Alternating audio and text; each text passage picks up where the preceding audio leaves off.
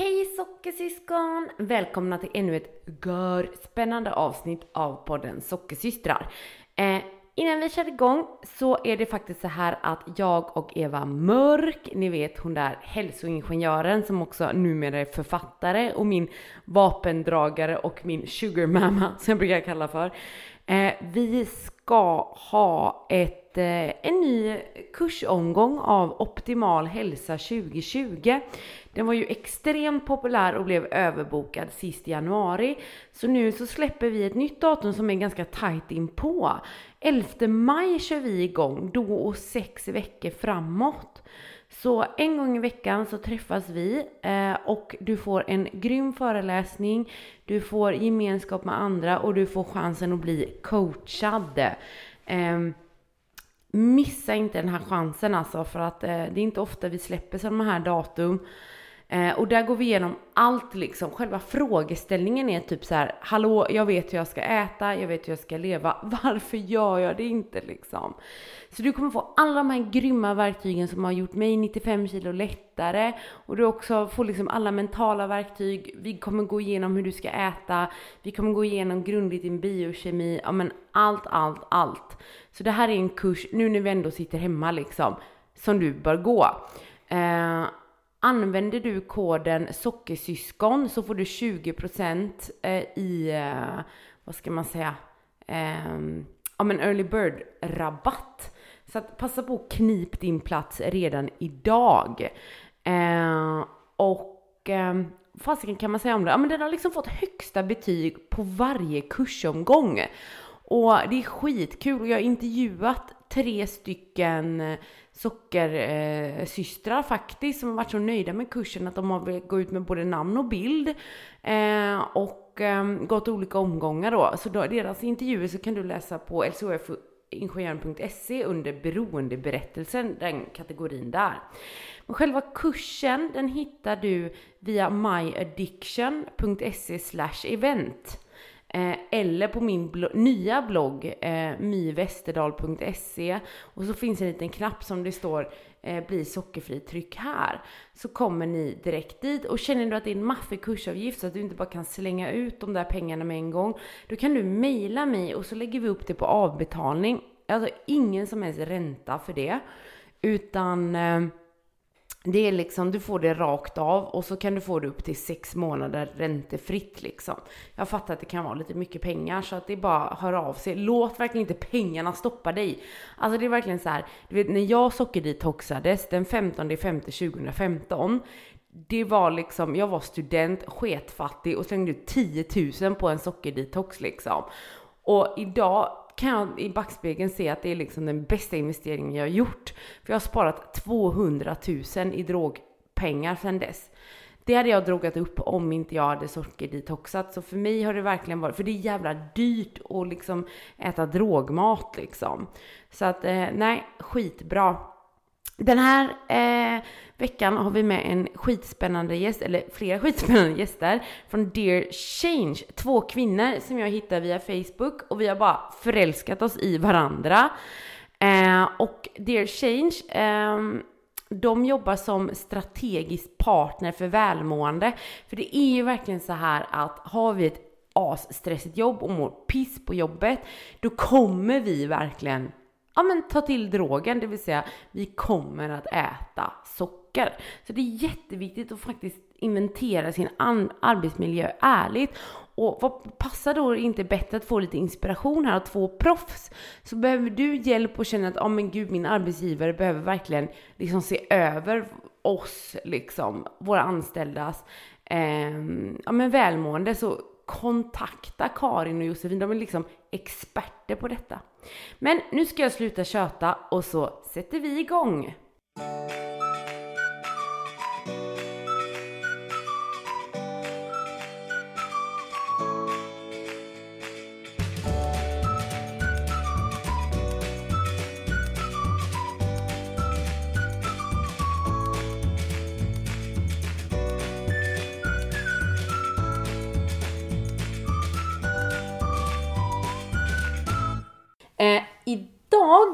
Så har jag med två väldigt speciella gäster som inte är sockerberoende. Men eh, jag är helt säker på att de kommer få berika ditt liv ändå. Eh, det är ju så här att som ni vet så är ju beroende en stressutlöst sjukdom. Eh, så att när vi är väldigt stressade och har full fart och vi känner oss otillräckliga så är det lätt att vi verklighetsflyr genom sockret. Eh, och lever vi ett ohållbart, eh, vad ska man säga, i ett ohållbart arbetsklimat då kommer du inte kunna ducka för din sjukdom utan den kommer komma och bita dig i arslet höll jag på att säga. Men eh, det kommer vara svårt för dig att leva abstinent. Och det här ämnet, trots att vi har spelat in många avsnitt så har vi faktiskt aldrig diskuterat det här med jobblivet.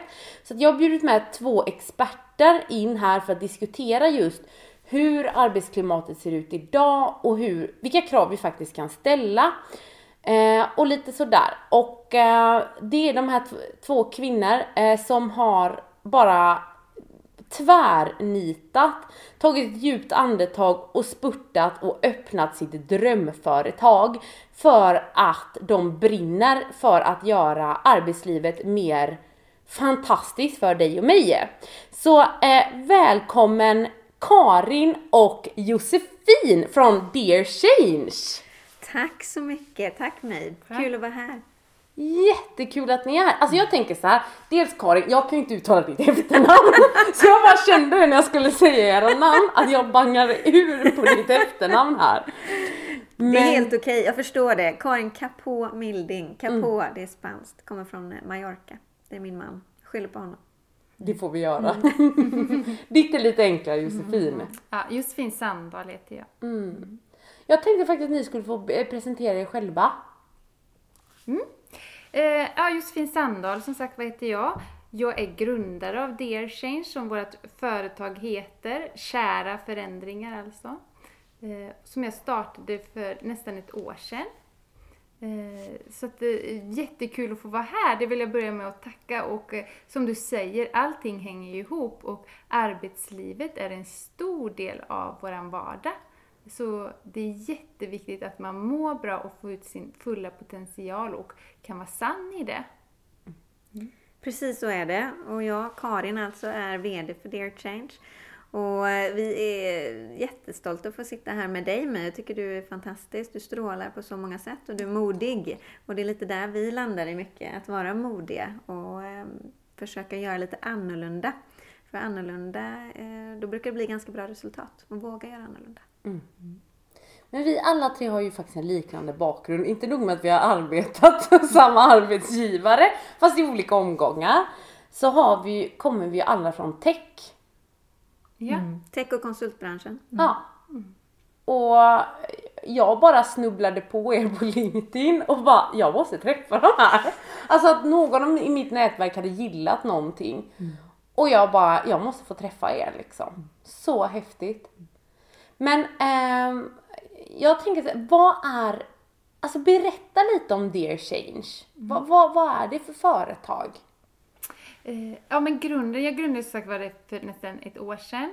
Grunden kommer ur att jag själv har jobbat i många år inom tech då, eh, men också i ledande positioner främst, eh, där jag har varit med i styrelser och koncernledningar. Där jag kände att jag brinner för att det ska vara schysst och det ska vara sant. Eh, och jag brinner för frågor som jämställdhet, hållbarhet och inkludering generellt. Och jag gjorde mina initiativ, nätverk, eh, såg till att alla hade schyssta villkor och att vi jobbade på ett systematiskt sätt på jobbet som, som gör att människor mår bra. Men jag kände, det här är inte tillräckligt. Eh, och det finns mycket strukturer idag i samhället som gör att eh, det är svårt för individer att, att liksom få vara sig själva. Det är den här fasaden som, som vi pratar mycket om, att det ska vara på ett visst sätt. Eh, och det förhåller vi oss alla till. Och ekorrhjul och sånt. Nej, det ska inte vara fasad, det ska inte vara ekorrhjul.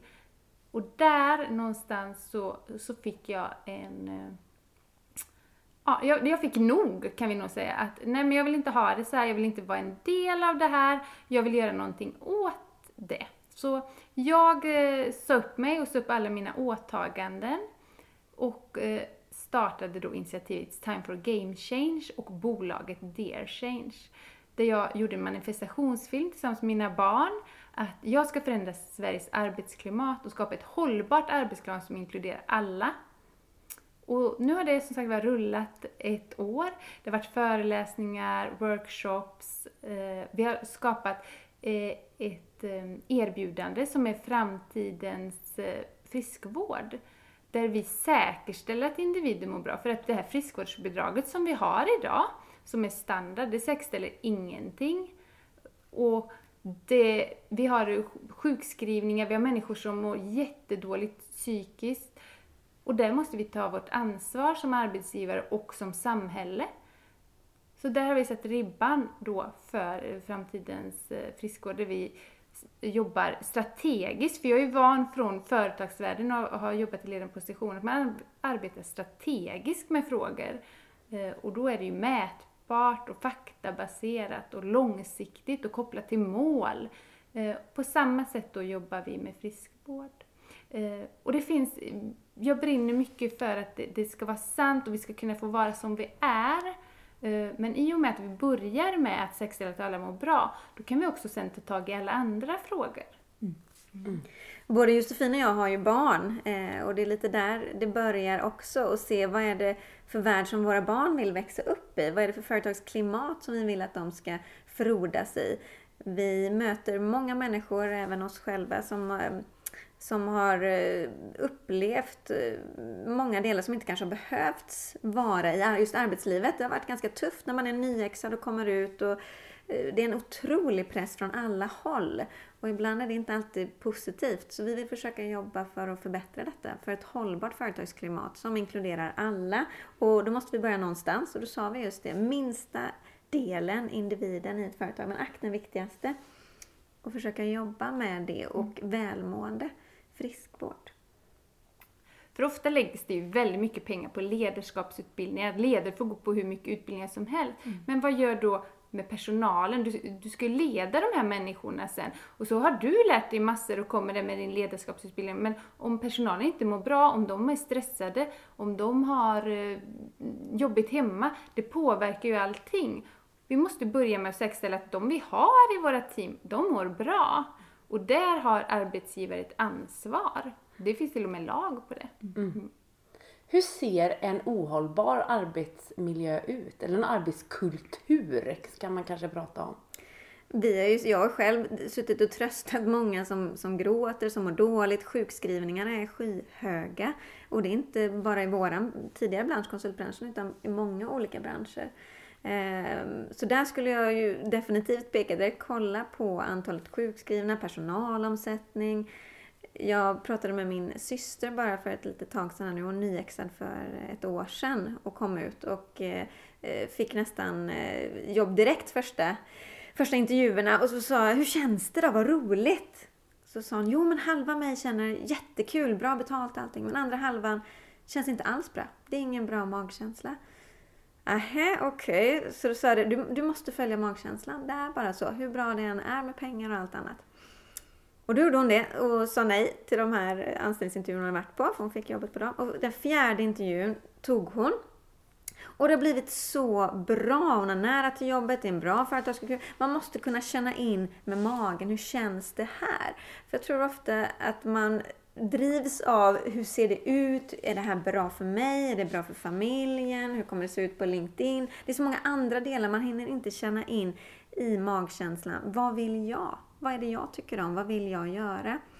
Och gör man det, alltså lyssnar på sitt inre, så tror jag att man kommer mycket, mycket längre och kan leva mer hållbart. För det handlar om att vi ska må bra, vi ska leva länge och vi ska leva lyckligt. Ja, och livet är ju liksom inte ett krig vi ska övervinna, utan det ska vara lustfyllt och, och du ska kunna vara precis som du är och det är punkt efter det. Alltså det är så jäkla bra. Livet är inte ett krig vi ska övervinna. Ta mm. med er det nu. Det är verkligen så. Jag, jag, jag håller med dig. Och så många jobb. Jag kan ju bara prata ur mitt perspektiv. Så många jobb jag har haft som bara går dit för att tjäna pengar. Mm. Eh, och eh, då blir det det här kriget, eller för prestigen, eller för titeln, eller sådär. Och ändå så gråter man sig igenom i princip. Det är tungt är det.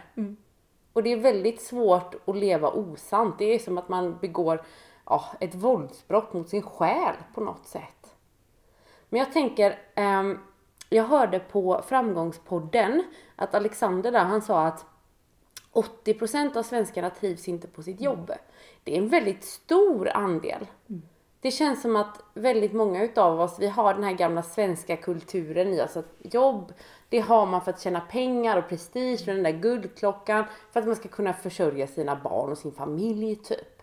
Och det är klart det finns en sanning i det. Men vi är ju lite högre upp idag på behovstrappan många utav oss. Och att faktiskt kunna kä- säga det här att man både har rätt att kunna försörja sig men också känna att man bidrar.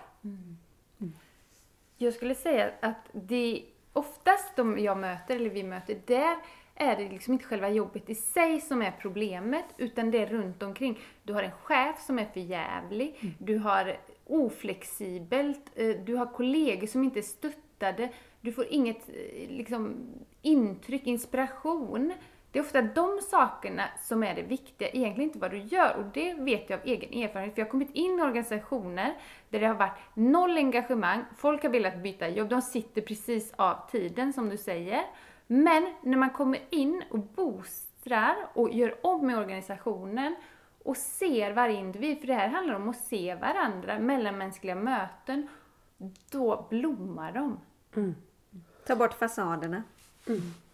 Men jag tänker just på det här också att Alltså jag läser precis en bok som heter Ut ur ekorrhjulet av farbror, farbror Frie. Och han skriver väldigt mycket om att leva lokalt. För jag menar, först så lägger vi åtta timmar varje dag. Jag fattar inte ens hur man lyckas. Men det är liksom åtta till fem typ i vanliga kontorstider. Och så är det i alla fall en timmes pendling in och sen en timmes pendling hem. Alltså man orkar ju inte. Det är liksom, det är bara det och då pratar man väldigt mycket om att, jag kommer ihåg när jag bodde i Karlskrona. Det tog max, alltså om det var en rikt, en, någonstans jag skulle som var långt bort åt Tjotahejti så var det liksom en kvart med cykeln. Men här lägger man liksom en så stor del i transport fram och tillbaka och sen en så stor del i livet. Jag håller med, alltså sex timmars arbetsdag är mer än väl. Verkligen, och det är det här vi märker att, och jag har själv känt det, känt det tidigare, att man blir som en robot. Man hinner inte ens reflektera. Jag åker till jobbet, det tar 40 minuter, jag är på jobbet, jag är inne i någon form av, jag vet inte vad, det händer saker hela tiden. Man åker hem, så ska man hinna träna och man ska äta rätt och man ska, och så helt plötsligt så försvinner livet. Man har blivit en robot eller till och med kanske en zombie som vi brukar kalla det. Eh, och jag, jag tror inte det är menat att vara så. Jag tror inte det är så. Jag ser själv man blir inte lycklig av det. Utan man behöver ställa sig frågan, vad vill jag göra? Vad trivs jag med? Jag har varit föräldraledig här tidigare och, och när jag eh, tröttnade på att måla mycket katter och sådär så började jag göra en mindmap. Vad är det jag vill? Vad vill jag göra? Hur vill jag jobba? Hur vill jag leva? Så jag satte mitt namn i mitten, Karin, och började göra bubblor. Okej, okay, om jag bara får drömma. Jag tänker outside the box, helt outside the box.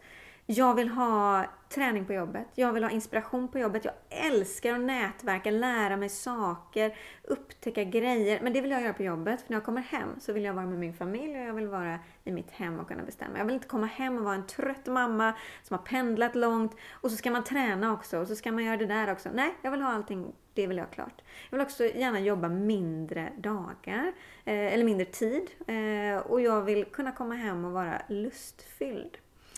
Så då började jag skissa på det lite eh, och det är precis så som vi jobbar idag. Jag vet att jag och Josefin har båda satt oss ner hur vill, vi, hur vill vi ha våra dagar? Varje dag startar vi med fem minuter meditation och vi avslutar dagen med fem minuter meditation. Alltid. För att inte bara ha to-do-listor vi ska göra utan för att känna in vad vill vi göra. Varje dag går vi ut på en skogspromenad eh, för att liksom bara komma ut och känna in skogen. Även om vi går i stan på möten så försöker vi alltid ta oss in till Slottsskogen eller något form av träd hittar vi. vi, försöker, vi har träning en gång i veckan, minst, tillsammans. I morse hade vi en träning här ute vid, vid Kåsjön, träningsverk redan. Och sen har vi inspiration en gång i veckan där vi antingen går och lyssnar på en föreläsning eller kollar på TED Talks eller liknande. Och sen har vi tredje benet och det är kreativitet. Och vi försöker att göra någonting annat som väcker någonting i oss. Vi vet att vi kan jobba, vi jobbar stenhårt, vi har gjort det i alla år. Jobba är vi grymma på, vi behöver det andra för att på något sätt lyfta upp oss, för att ha reflektion, återhämtning, för att ha roligt varje dag och för att orka så långt som möjligt. Och det är precis så som vi jobbar med på Dear Change. Vi har ju tre ben. Det ena är Life Movement, där man jobbar med just rörelseglädje. Sen har vi Life Balance, man pratar om stress och hur man kan stå grundad i allting som händer. Sen har vi något som heter Life Creation, där man kolla på motivation, inspiration, kreativitet. Vad tycker jag om? Det är inte alltid man ställer sig den frågan. Vad gillar jag? Vad driver mig? Det kanske inte alls är att åka 40 minuter varje dag hit och dit och, och som, precis som du nämnde innan, det är extremt många som är oengagerade i jobbet. Vissa jobbar till och med emot sin arbetsgivare. Hur kan man hitta engagemang? Mm. Nej men jag tänker också så här att, mm, alltså om man skulle prata med det i det här eh, språket vi sitter och diskuterar just nu så hade det kanske avskräckt många styrelser.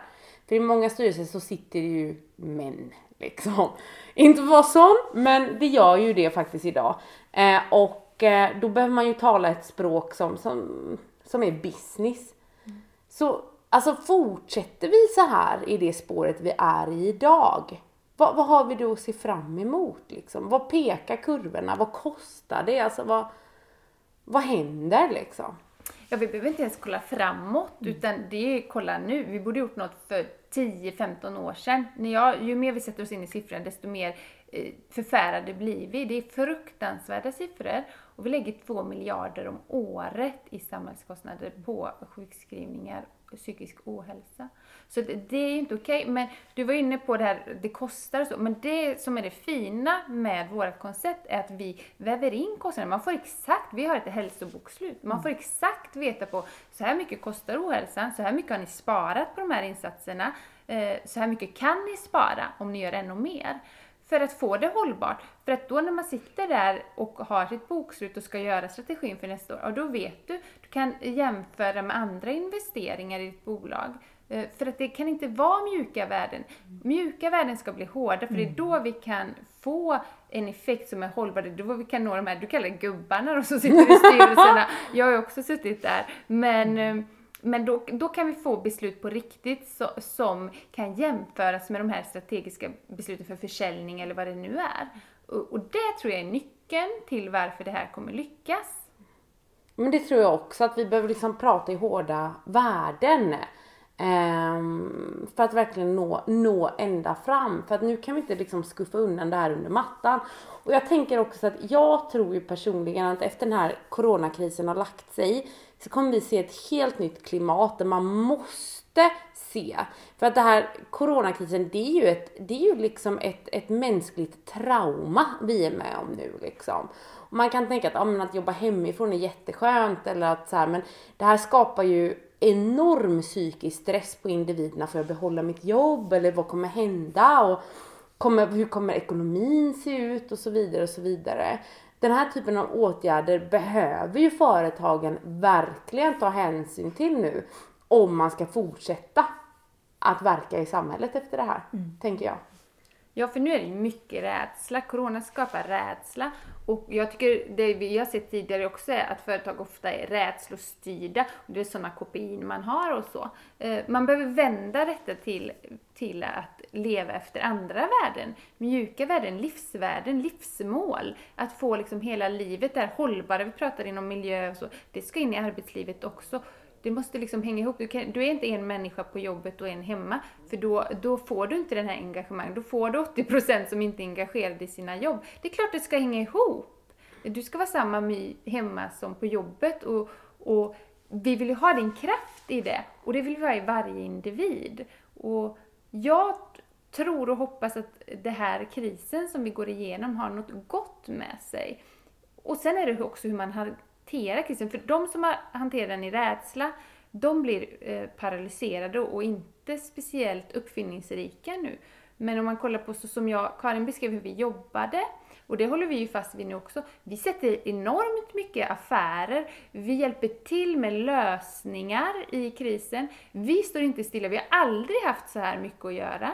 Eh, så det är också ett mindset för rädsla förlamar ju och många är rädda nu precis som du sa mig. Och det är klart att man är rädd, man vet inte vad som händer, det är ovisst. Man blir också pepprad av mycket saker runt omkring. Men försök tänka efter, vad, vad, gå till din kärna och försöka se framåt i det här.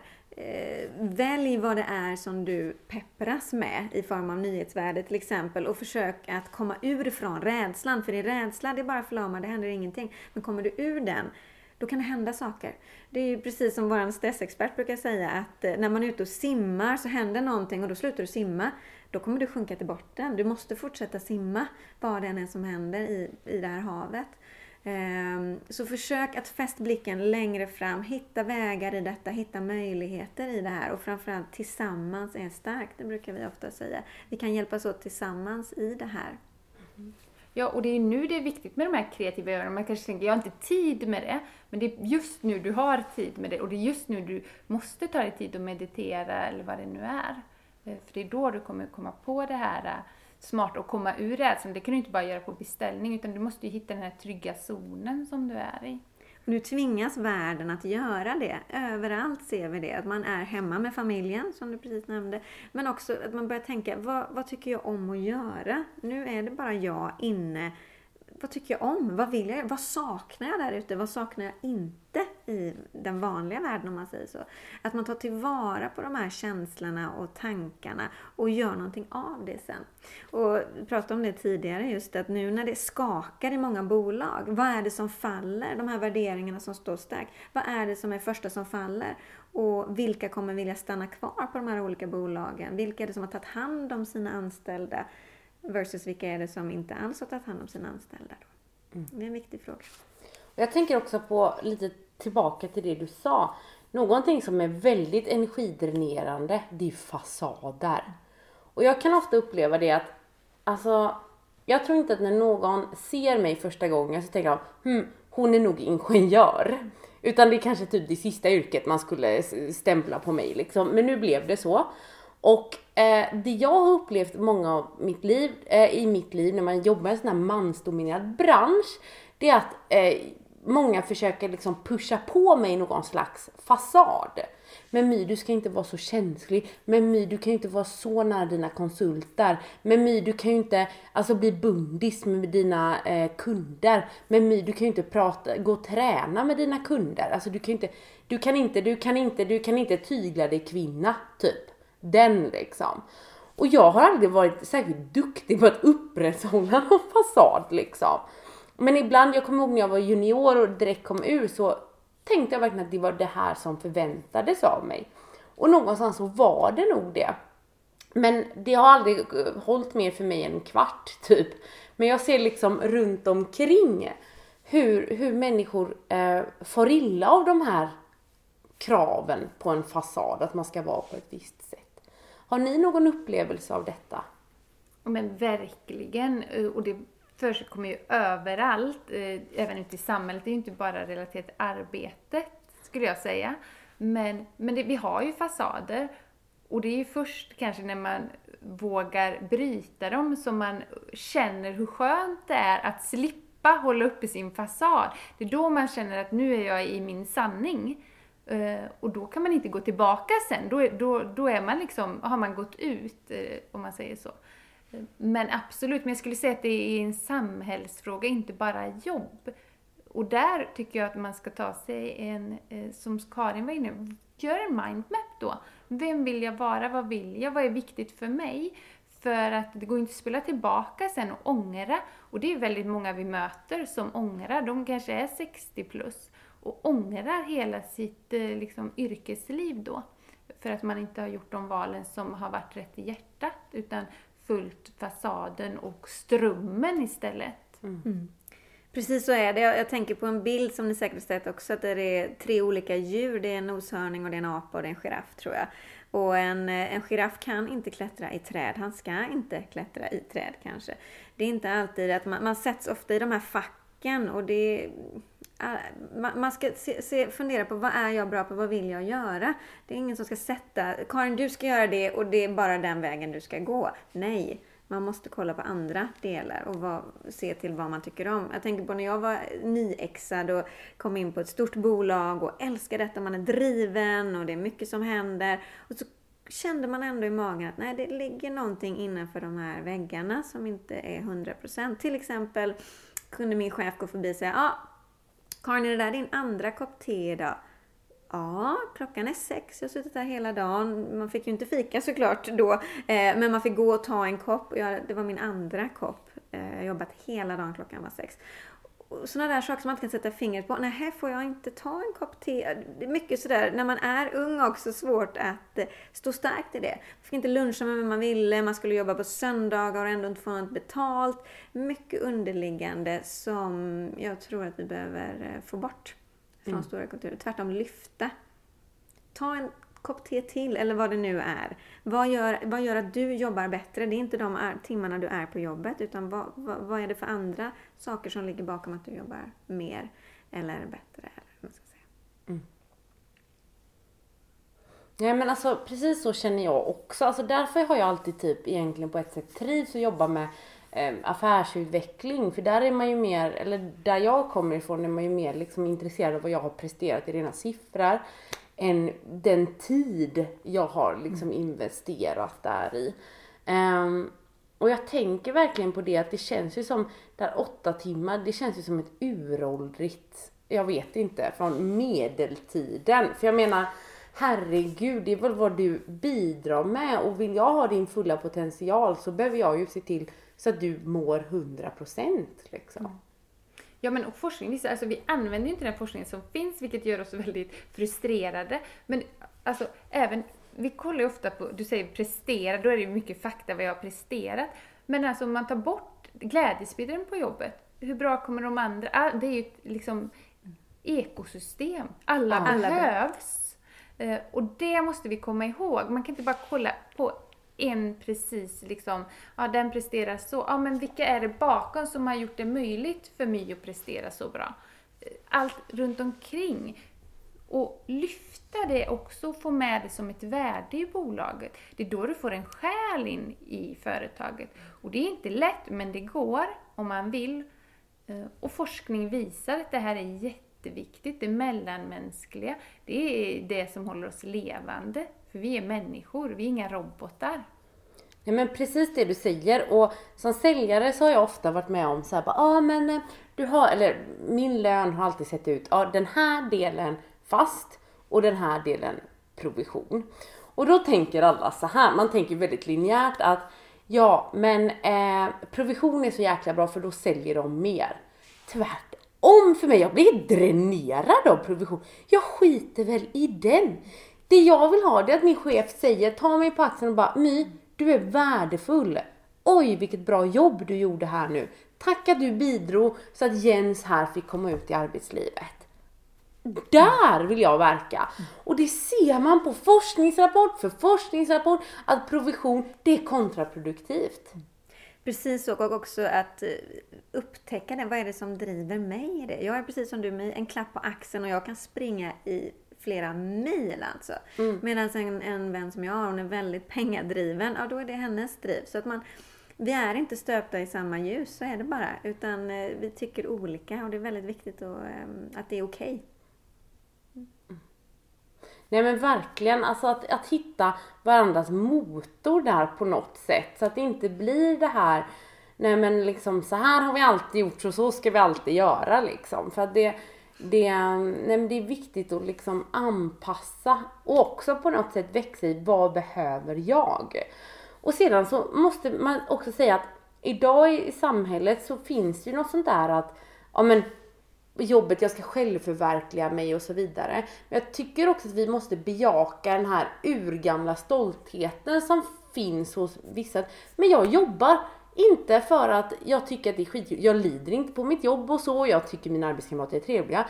Men mitt, mitt fokus centrerar kring min, min familj och mitt, min fritid liksom. Och det vet jag väldigt många i min närhet som är sådana och trivs utmärkt med det. Och det är okej det också. Mm. Ja, det kan jag tycka, men jag blir allergisk på det. för att jag tycker så men då slösar du ju bort din mm. tid. Alltså, vi har ett visst antal timmar vi får leva här på jorden. Och ska du då känna att, ja men jag, liksom, här är jag och bara är, då slösar du bort de timmarna. Det är klart du ska ha skitkul på jobbet och skitkul och energi när du kommer hem. Du ska vara fylld med energi när du kommer Du ska vara påfylld, inte dränerad. För det är det ofta många tror att, ja men ger jag mycket på jobbet, då är jag dränerad när jag kommer hem. Ja, om du ger på fel sätt, om du bara ska ge och ge och ge på jobbet. Men om du får använda din fulla potential och din lust, då är du fylld och grym när du kommer hem. Men jag tänker också så här, vilka, hur vet man det? Jag tänker så här att det är jättesvårt att veta det här när man står upp i knäna till skiten, jag får säga. Mm. Men att man lever något väldigt dränerande. Finns det några signaler man ska lyssna särskilt på? Oftast har du en partner som kanske börjar märka någonting och frågar hur är det egentligen, du verkar inte så glad längre. Det är jättebra, eller vänner som säger det. Jättebra tecken, för det är ofta de som ser det först. Och då ska man ta till sig och tänka till och inte bara stöta bort det, det är mitt råd. Men också glädjen, alltså när det inte är lust, när man inte är glad längre. Då är det en sån här första varningsklocka, skulle jag säga, en jättetidig varningsklocka. Mm.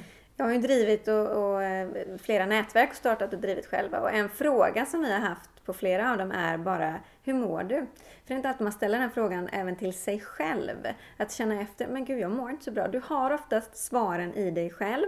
Sen precis som Josefin säger, en partner och nära vänner och släktingar kan ju hinta lite för ibland är man ganska envis och vill inte lyssna på det där inre, inre svaret som man har. Men det tror jag är jätteviktigt. Sen är det alltid bra som, som jag har gjort, att försöka mm, också se tillbaka. Vad är det som jag har gjort som inte har fungerat? Till exempel mitt första jobb, nyexad. På papper var allting 100%, jag var jättestolt, allting var grymt. Men när jag tänker efter eh, så, så, var det riktigt, riktigt tufft. Jag ångrade inte överhuvudtaget, men jag lärde mig stenhårt, så vill jag aldrig jobba. Så vill jag aldrig jobba igen. Och det, det, man kan prata mycket om just vad som hände och, och, hur det fungerar. Men som företagskultur står inte jag för. Det vill jag inte göra. Och det har drivit mig mycket. Och när man känner in efter ett projekt man har gjort. Jag har jobbat som konsult i många, många år och varit inne i den här världen. Och, eh, och man kan ju känna in ganska snabbt, man möter väldigt mycket speciella människor och försöka vända på det. Vad gillar jag? Men också vad var det som inte funkade för mig? Vad var det jag inte tyckte om? Och vad, framförallt, vad står inte jag för? Ja, och många är ju inte sanna mot sig själva, för hade vi bara varit det hade det inte varit något problem.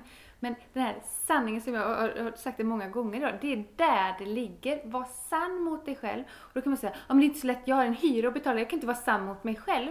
Nej men var sann mot dig själv i det du är. Jag sa, det, inte, det gäller inte att byta jobb, utan i det du gör, hitta engagemang, hitta det som är lustfyllt, gör det på ett lustfyllt sätt. Hur det nu är för dig är ju individuellt.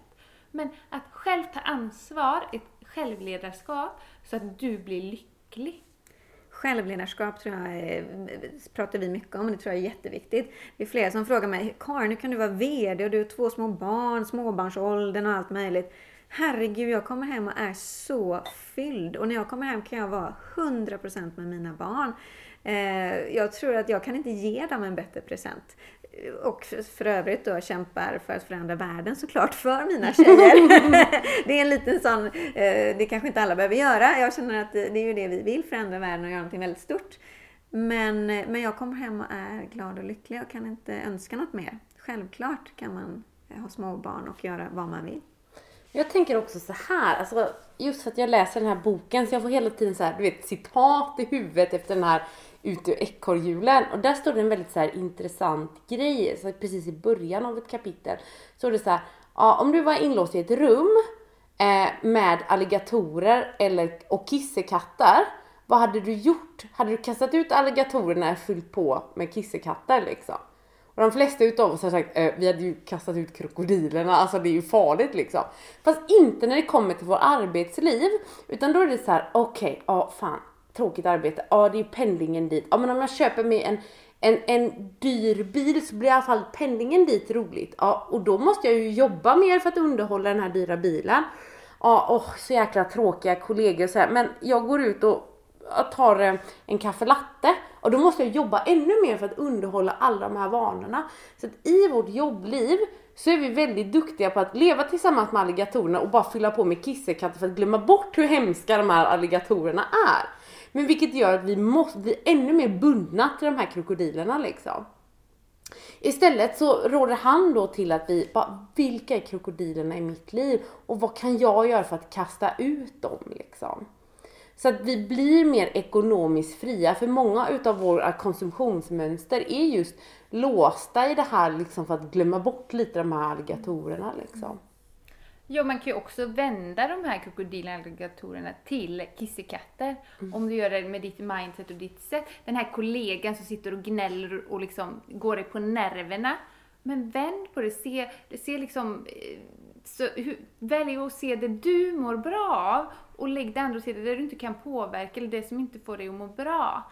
Eh, tänk såhär, åh stackars henne, hon har nog haft en jobbig uppväxt eller vad det nu är som får en att liksom bara kunna släppa det handlar ju inte om dig att hon är så gnällig. Och det påverkar inte ditt liv i det stora hela. Så att liksom, man kan också försöka vända uh, pendlingen till exempel, om vi tar en sån sak, det kanske är bättre. Lyssna på någon grym bok. Din bästa liksom, stund på dagen kan vara den här bilresan till jobbet. Men jag tänker så här att någonting som är viktigt att sortera, för vi pratar ju mycket om självledarskap här, vilket är en mycket viktig pusselbit för att Alltså att ha en offerkofta är ungefär som att kissa ner sig. Det är ju varmt och gött i början men det blir ganska kallt och klibbigt i längden. Vi kommer ju ingenstans liksom. Så jag tänkte att vi kan liksom diskutera det här lite. Hur, hur, hur det ser ut. Vad är min arbetsgivares del och vad är min del som individ? Mm jag blir så fnissig vissa saker du säger men jag sitter och, och, ska inte försöka skratta högt här. Eh, men precis så är det. Vi eh, kollar ju till exempel på Arbetsmiljöverket eh, där det står att arbetsgivaren har ett ansvar att ha en bra, eh, en, en bra arbetsmiljö till exempel. Det är arbetsgivarens ansvar. När vi jobbar så jobbar vi på båda delarna. En del är individens resa där man eh, utgår från de här tre delarna som vi pratar om. Det är inte bara träning utan det är de andra delarna också. Eh, och det viktiga i det här är att stötta individen så att man kan få ett självledarskap och växa sig stark i det här. Ju större, starkare rötter jag har, desto mer står jag när stormen kommer. Men parallellt så kollar vi också alltid på organisationen. organisationen kopplat till hälsa och välmående. Hur fungerar det där? Och som vi var inne på innan, hälsobokslut kopplat till siffror gör de här mjuka delarna till eh, hårda. Mm. Ja, men och vi kollar på organisationen och är 70% av cheferna stressade, då är det inte ett individproblem endast. Utan det är ett organisatoriskt problem. Då är det nog fel med rollbeskrivningen, det kan vara andra delar. Men att kolla, och det är ju arbetsgivarens ansvar. Och oftast kan jag säga, de organisationer vi har varit, så finns det sådana synliga delar där det är en roll eller en befattning eller ett land eller ett kontor. Där det finns sådana, man ser liksom, det här är inte ett individproblem. Och det är organisationens eh, ansvar att ta hand om. Eh, och i den här arbetsmiljölagen står det liksom inte bara arbetsmiljö utan det är ju också den psykiska. Mm. Och fysiska, både psykisk och fysisk hälsa. Eh, och det är också, de man vinner på detta i längden. Man kan prata om vinster i form av pengar men det är faktiskt så det är. Det här är en investering som man gör för att tänka långsiktigt när det kommer till många delar men framförallt personal. Ja, och man pratar om att för varje investerad krona i välmåendet hos individerna så får man 6 kronor tillbaka. Mm. Så det här är sjukt mm. grymt lönsamt att jobba med. Och det, vill, varför jag vill säga det, det visar bara hur dåligt vi mår och hur dålig koll vi har på de här frågorna. Vi tar inte hand om oss själva. Precis så är det och allt som, som vi gör och det vi kommer ut med och det vi bottnar i är i stort sett kopplat till forskning och studierapporter. Vi tycker det är jätteviktigt. Det finns mycket som skrivs om detta, som forskas om det här, om välmående, ohälsa och så vidare. Men det behövs mycket, mycket mer. Vi behöver lära oss och vi behöver också eh, förstå. Det ska inte bara vara de här hårda värdena som du var inne på tidigare My. Nu behöver alla förstå att vi behöver ta hand om varandra. Vi behöver bli snällare och vi behöver tänka hållbart. Verkligen. Och jag vill verkligen koppla det här lite till, till beroendesjukdomen. Nu vet jag ju att i det här fallet så är det ju ni som är ufon och inte jag. För jag och mina lyssnare, vi har alla beroendesjukdomen. Och vi brukar skämta om så här, ja ah, men vi känner oss som ufon liksom för alla Ja men det blir ett utanförskap när man ser att andra kan äta ostraffat saker som inte vi kan. Men i det här fallet är det ju ni som är ufon här. Nej jag skämtar med er. Eh, men jag vill bara liksom koppla lite det vi pratar om till beroendesjukdomen och varför jag tror att det är så viktigt att vi diskuterar detta. För att mina klienter det är ju kvinnor och män som kommer och många, många har liksom sin botten i ett uruselt jobbklimat. Eh, att det är liksom sådär att man förväntas vara eh, som en robot, att man kanske inte blir sedd och att man känner sig otillräcklig för det finns liksom ingen förståelse på arbetsplatsen att man behöver prioritera barn och familj exempelvis. Eh, eller att man är utmobbad, eh, att man känner sig utstött och inte inkluderad. Eller att det är väldigt många chefer som ja, men, kör sina härskartekniker och det här avspeglar sig. Och då är det, då skulle jag faktiskt vilja säga så här, det är omöjligt att leva i tillfrisknad. Vi kan klara oss ett par veckor då på vita knogar liksom, eh, att vara drogfria, men det kommer aldrig gå i längden. För att det blir sån mental press så att vi alltid kommer ta till vår universalverktyg, liksom sockret. Och därför tror jag att det är väldigt viktigt att liksom, kvinnor som ni finns och lyfter detta liksom. För jag menar alla som lyssnar på detta det är prestationsprinsessor liksom. Springer och springer och springer och många har eh, som hör av er till mig. Ni har liksom antingen blivit helt utbrända eller så driver ni ett eget företag och verkligen håller på och liksom bara liksom luktar på den här berömda väggen. Eller så vidare. Det finns väldigt mycket stressproblematik. Och därför tycker jag det är så jäkla häftigt att två kvinnor som ni bara, nej nu måste vi göra någonting liksom. Vi måste visa på att det finns en motpol. Mm. Ja, det sättet vi har idag är ju inte bra. Eh, det är uruselt rättare sagt. Och det visar ju alla siffror, ändå fortsätter vi göra samma sak. Så jag vill bara uppmana alla som lyssnar att fortsätt inte så, det är jätteuruselt. All forskning visar det. Var smarta, gör smarta val och det börjar med att känna efter, vad mår du bra av? Där har du kärnan. Vet du om det, då kommer alla val bli lätta sen. Och våga göra lite annorlunda. Går du samma väg hem så, så kommer samma sak, saker hända. Ta en liten annan väg hem. Jag lovar, det kommer hända saker. Mm. Så är det. Ja, det är så häftigt alltihopa. Och jag känner mig så jäkla tacksam att få powerkvinnor som ni som är så otroligt generösa med tid och er energi och sprider så mycket framtidshopp och glädje väljer att komma hit och investera den här tiden eh, till mina lyssnare. Jag lovar att ni har gjort enormt mycket påverkan där ute liksom och gör och kommer att göra. Ja, vi kommer inte ge oss. Nej. Vi ger oss inte, vi ska förändra. Så är det bara. Och eh, jag hoppas att, eh, att ni är med. Var hittar man er? Vi finns både på LinkedIn och Facebook, Dear Change, alltså kära förändring, D-E-A-R. Eh, vi finns på Instagram, ja vi finns i alla sociala medier. Vi har också en hemsida, dearchange.se. Sen så har Josefin Sandahl har LinkedIn-sida, Facebook, jag också, Karin Kapå Milding. Får gärna kolla initiativet, hashtag it's time for a game change. Mm. håller vi också på med. Varje morgon eh, på LinkedIn och de andra sociala kanalerna delar vi med oss i halv tio mm. med Karin och Josefin. Mm. Josefin och Karin. Där vi bara delar med oss av korta små klipp och tips liksom som ska få oss att förändras och ta den där annorlunda vägen som Karin sa. Det är så underbart att se hur ni förgyller vårt flöde. Så nej, jag vill verkligen bara tacka att ni kom hit idag. Jag hade kunnat spela in två timmar till, men jag tänker vi, vi håller oss till kärnan här. Och ni är hjärtligt välkomna tillbaka hit om ni vill det. Eh, tycker ni om det här avsnittet, vilket jag hade tyckt var jättekonstigt om ni inte gjorde, så att nu tycker ni om det. Eh, sprid detta i era sociala kanaler. Det är ju liksom bara att dela och visa och kanske har du någon i din närhet som du känner bara oh shit den här personen är två millimeter och gå in i väggen. Ja men länka det här avsnittet, visa på att det finns ett alternativ. Att man behöver inte springa tills man är helt utbränd utan det finns en annan väg och det finns hjälp att få. Eh, och fram tills vi hörs nästa gång så säger jag bara som vanligt puss och kram! Puss och kram!